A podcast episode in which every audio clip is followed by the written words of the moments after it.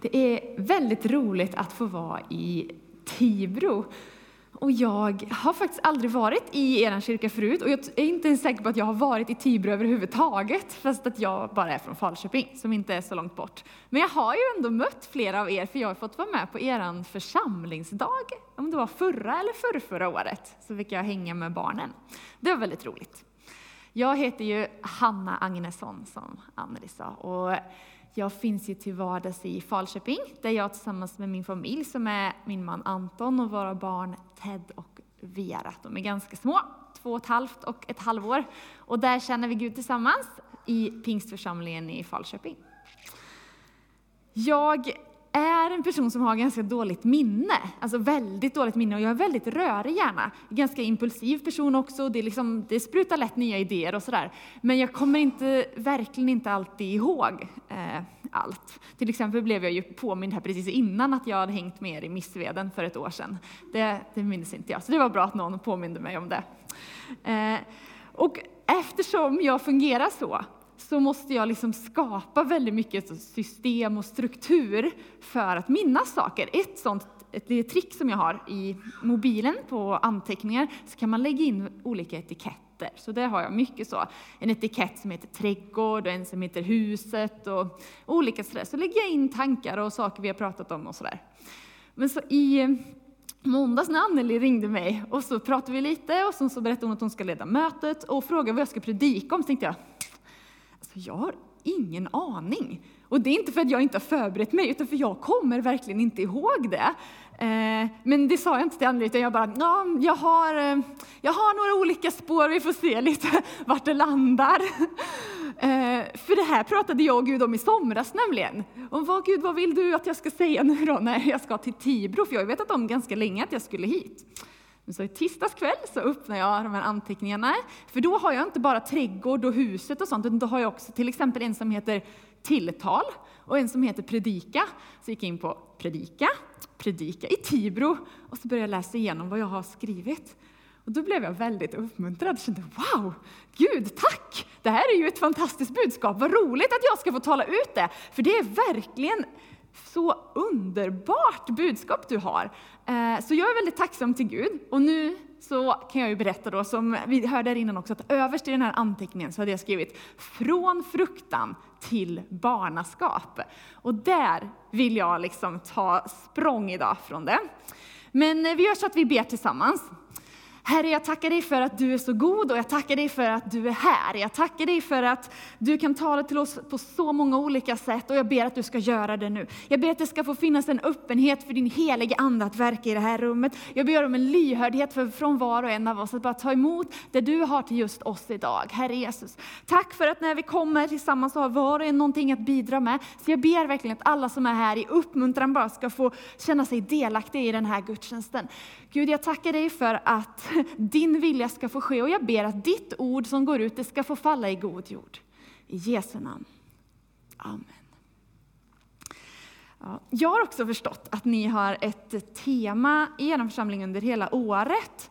Åtminstone så har Maria berättat det för mig. Eh, vilken lyx ni har för övrigt som har Maria som er föreståndare. Fantastisk kvinna som har betytt mycket för mig i min eh, resa.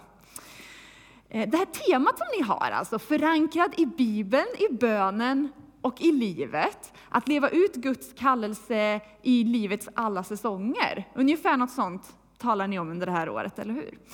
Och när jag hörde det så tänkte jag bara wow, yes! Det här är ju inte bara liksom ett tema man vill ha för ett år, det skulle jag vilja ha som tema för hela mitt liv. Det är ju fantastiskt, det är ju där det handlar om. Va? Att vi under livets alla säsonger bara får leva ut Guds kallelse på den platsen han har satt oss att få vara på.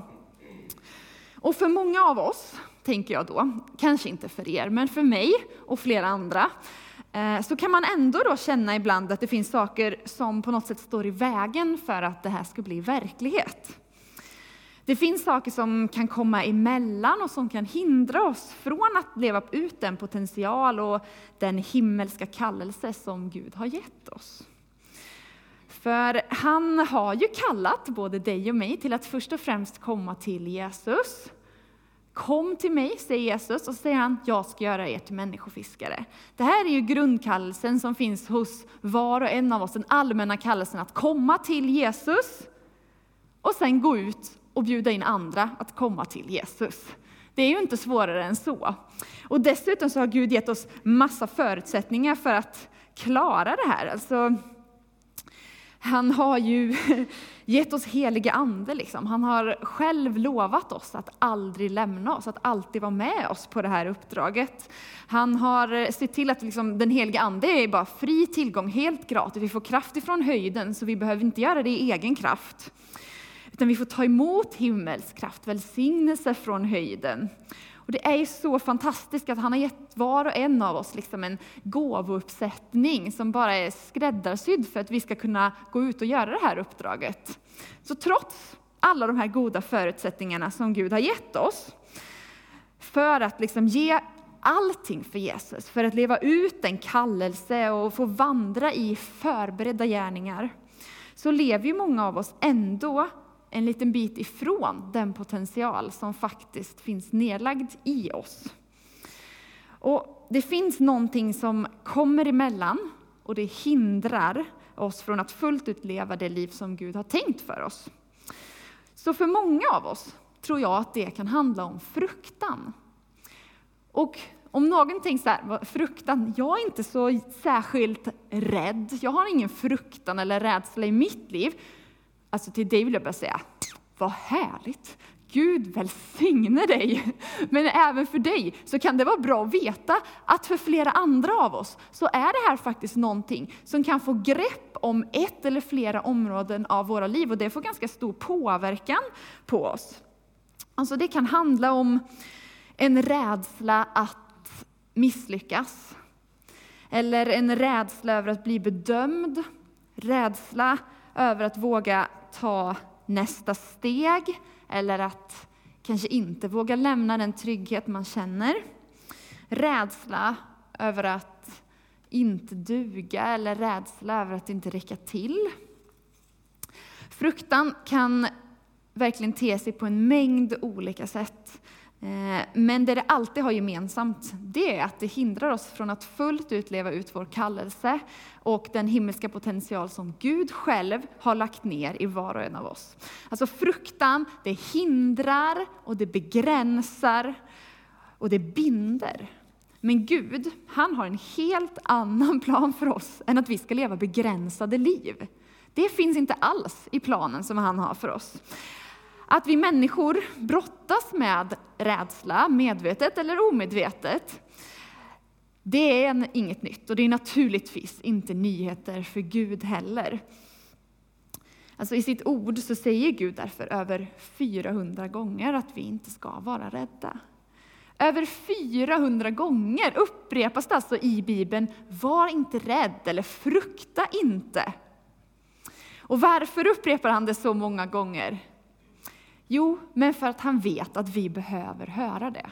Vi behöver höra det, faktiskt. Och så anledningen då till att vi inte behöver vara rädda, det är ju faktiskt för att när vi tar emot Jesus så får inte vi slaveriets ande så att vi behöver leva i rädsla, utan vi har fått barnaskapets ande. Och det är ett helt otroligt arv. Ska vi läsa om det ifrån Romarbrevet 8, vers 14-17, där det står så här. Alla som drivs av Guds ande är Guds barn. Ni har inte fått slaveriets ande så att ni på nytt måste leva i fruktan. Nej, ni har fått barnaskapets ande och i honom ropar vi Abba, far. Anden själv vittnar med vår ande att vi är Guds barn. Och är vi barn så är vi också arvingar.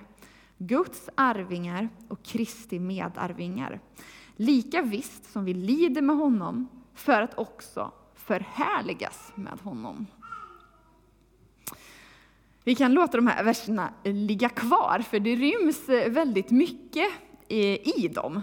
Och Gud han kallar oss alltså från fruktan till barnaskap. Och det är inte vilket barnaskap som helst, utan det är till att få vara söner och döttrar till Gud själv. Och Gud säger dessutom att vi får ropa Abba till honom. Abba, det är det arameiska ordet för far. Och det är ett väldigt innerligt och förtroligt ord. Skulle vi säga det på svenska så är det närmsta vi kommer liksom att tänka oss att vi ropar pappa. När Vera, vår äldsta dotter, när hon var sådär runt ett kanske, så lärde hon sig att känna igen ljudet av när garageporten öppnades så här. Liksom, låter det hemma hos oss. För det betydde att nu kommer pappa hem från jobbet. Och då kunde hon fortfarande inte gå, men hon kröp fram till liksom trappgrinden och så ställde hon sig där och började ropa pappa, pappa. Så kommer ju han upp för trappan, ni vet, så har längtat efter henne, lyfter upp henne i sin famn och bara gläds tillsammans. Och allas bild av en pappa är inte den bilden. Men med den bilden någonstans framför oss så kan vi förstå vad det är för slags far som Gud är ändå. Och då är det inte att han är en sån far som min man är till vår dotter, utan han är liksom ännu, ännu, ännu bättre. Även om jag tycker Anton är helt fantastisk, så är Gud mer och bättre och större och mer fantastisk än vi kan tänka oss. Så det ropet, när hon ropar pappa, liksom, det är ungefär det här Abba, Abba som vi får komma och ropa till Gud, vår far. Och Gud han är verkligen den här kärleksfulla far, eh, fadern som öppnar sina armar för sina barn. Eh, och det här är ju också då vilka vi är, eftersom vi är hans barn. Det är här i vår identitet ligger. Vi är Guds älskade barn.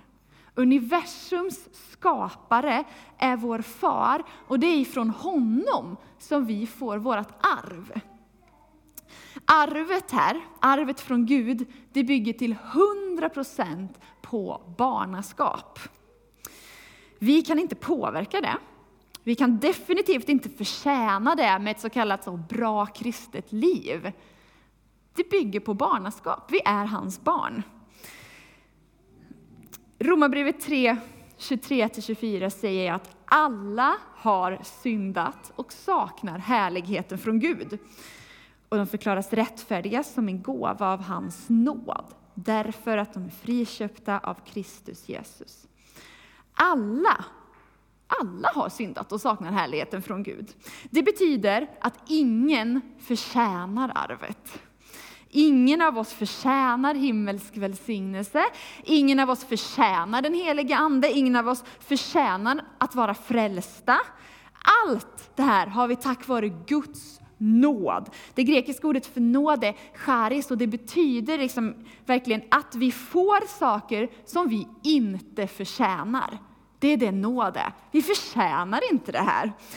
Och om vi på riktigt lyckas förstå att vi inte kan förtjäna Guds godhet, då kan vi börja slå hål på en stor lögn som många av oss bär på. Och det är lögnen att vi på något sätt skulle kunna prestera fram himmelsk välsignelse. Det går inte. Vi kan inte det, ingen av oss kan det, den förmågan finns inte i oss. Vi har inte det. Det spelar liksom ingen roll hur mycket vi försöker. Vi kan inte prestera fram välsignelse. Likaså så kan vi inte heller påverka Guds godhet åt andra hållet faktiskt. Eh, så att vi på något sätt skulle kunna riskera att gå miste om arvet. Det kan vi inte heller göra. Eh, men det är också en väldigt vanlig tanke hos flera av oss, att vi liksom på grund av våra brister, eller på grund av vår otillräcklighet, inte skulle få del av Guds godhet. Har du någon gång tänkt så att Gud inte skulle kunna använda dig, eller inte vill välsigna dig på grund av dina tillkortakommanden? Eh, då vill jag bara utmana dig och fråga dig, tror inte du mer om Gud än så? Är inte han större än att han kan överbrygga det? Alltså påminn dig om vem han är. Han är kungars kung, han är herrars herre. Och ingenting är omöjligt för honom. Så tänker du på någonting i ditt liv nu som du tror hindrar dig från att vara använd av Gud, men försök då att bara sätta det i perspektiv till att Gud har skapat hela universum och gjort det möjligt för varenda människa att bli frälst. Alltså sätt då det i perspektiv till vad han kan göra, att ingenting är omöjligt för honom. Men eh, det här med min bibelläsning då, tänker du. Jag har verkligen inte, inte liksom fått in den rutinen bra det sista och nu har jag tappat det snart. Och, det, är inte, det är inte ofta jag plockar upp min bibel längre. Nu tror jag inte, nu tror jag inte att Gud eh, vill använda mig. Kanske om jag får ordning på det.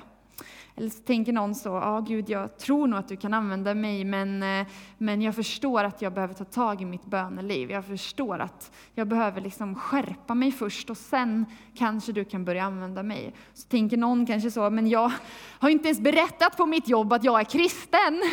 Gud, jag vet att jag ska vittna om dig, men jag har inte vågat göra det.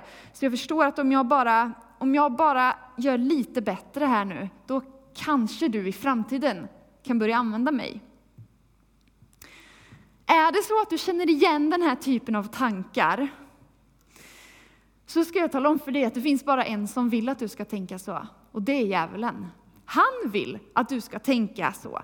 Han vill att du ska tro på lögnen att du inte förtjänar välsignelse. Han vill att du ska skämmas. Han vill att du ska tro att Gud är besviken på dig. Djävulen fördömer. Men vet du vad Romarbrevet 8 och 1 säger? Så finns nu ingen fördömelse för den som är i Kristus Jesus.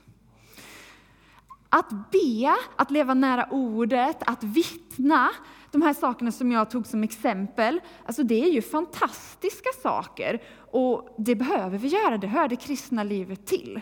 Men när det inte blir som du har tänkt dig på något område, så är det liksom inte så att Gud är besviken på dig och håller igen. Det är, inte, det är inte den han är. Det ligger inte i hans natur. Han väntar inte på att du ska skärpa dig eller vad du ska prestera.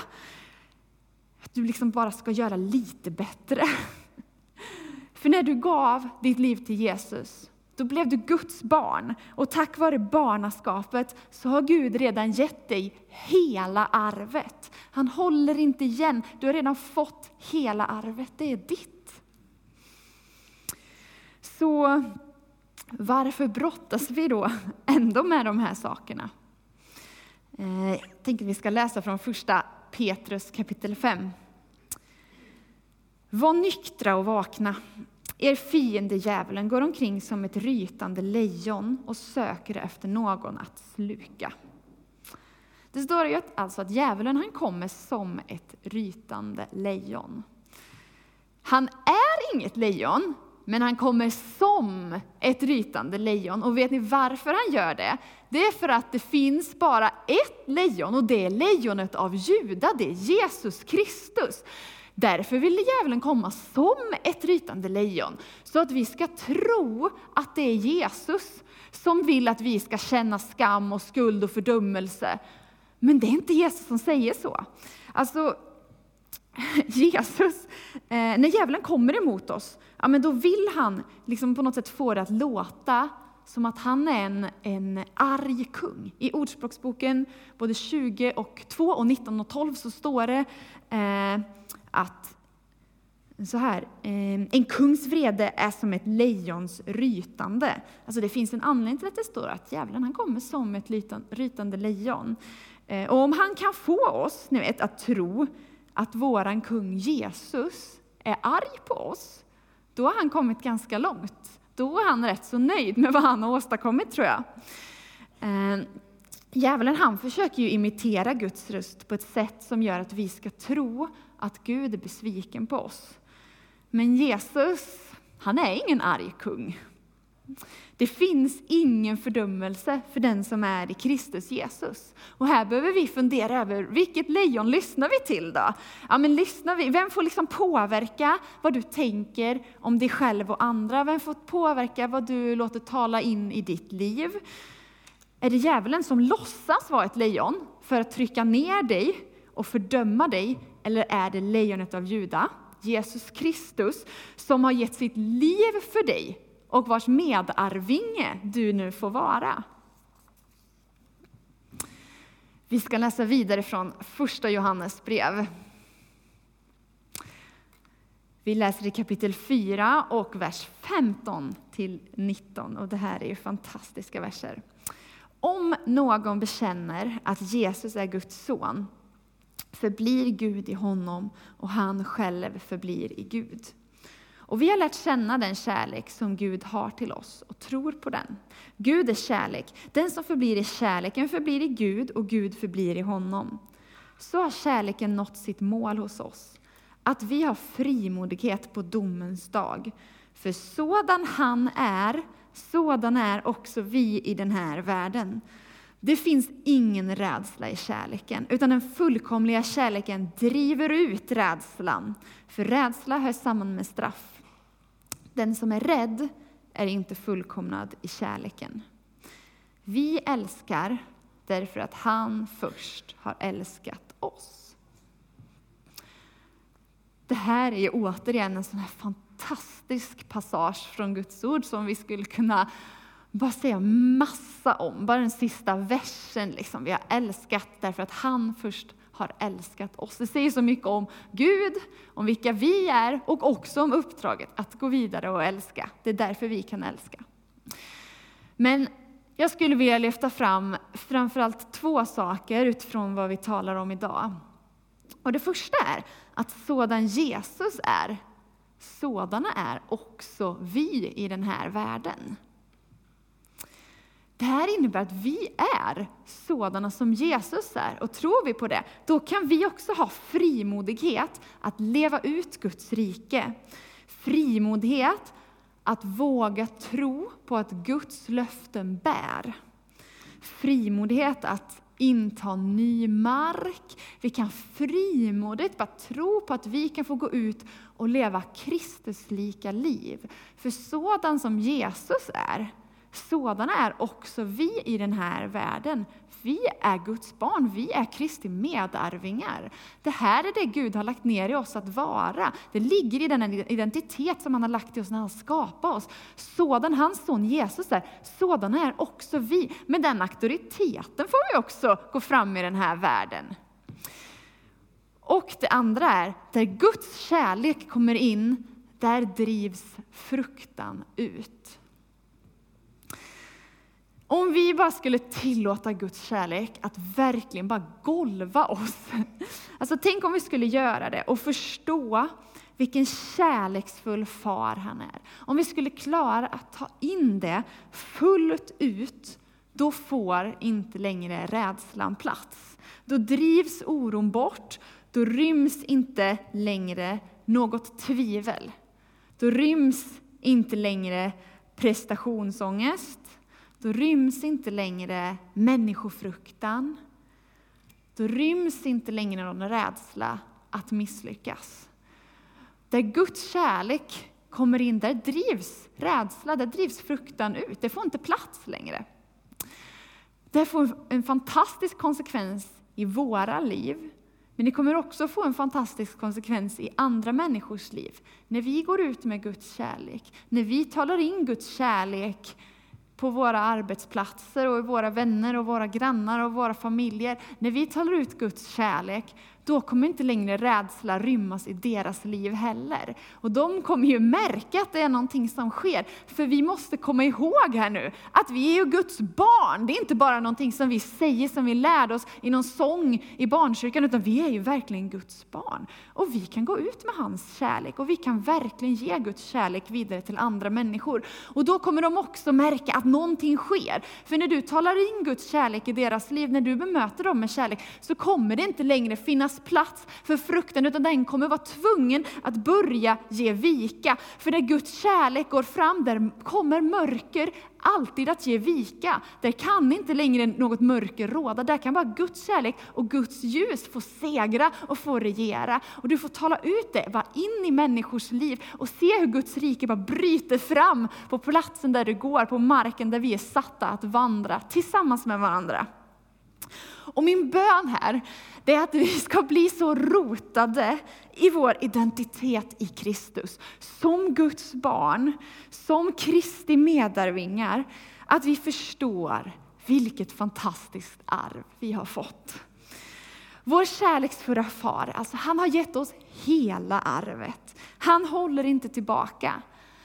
Men så i Romarbrevet 8 som vi läste i början, så stod det också att vi både kommer få lida och förhärligas med Jesus. Och att vara ett Guds barn i den här världen. Det innebär inte att det alltid kommer vara lätt. Det innebär inte att vi inte kommer stöta på svårigheter och det innebär inte att vi inte kommer gå igenom prövningar. Det har han aldrig lovat. Han har till och med lovat att vi kommer få lida med Kristus. Det är en del av arvet. Men vi gör inte det själva, utan vi gör det med honom.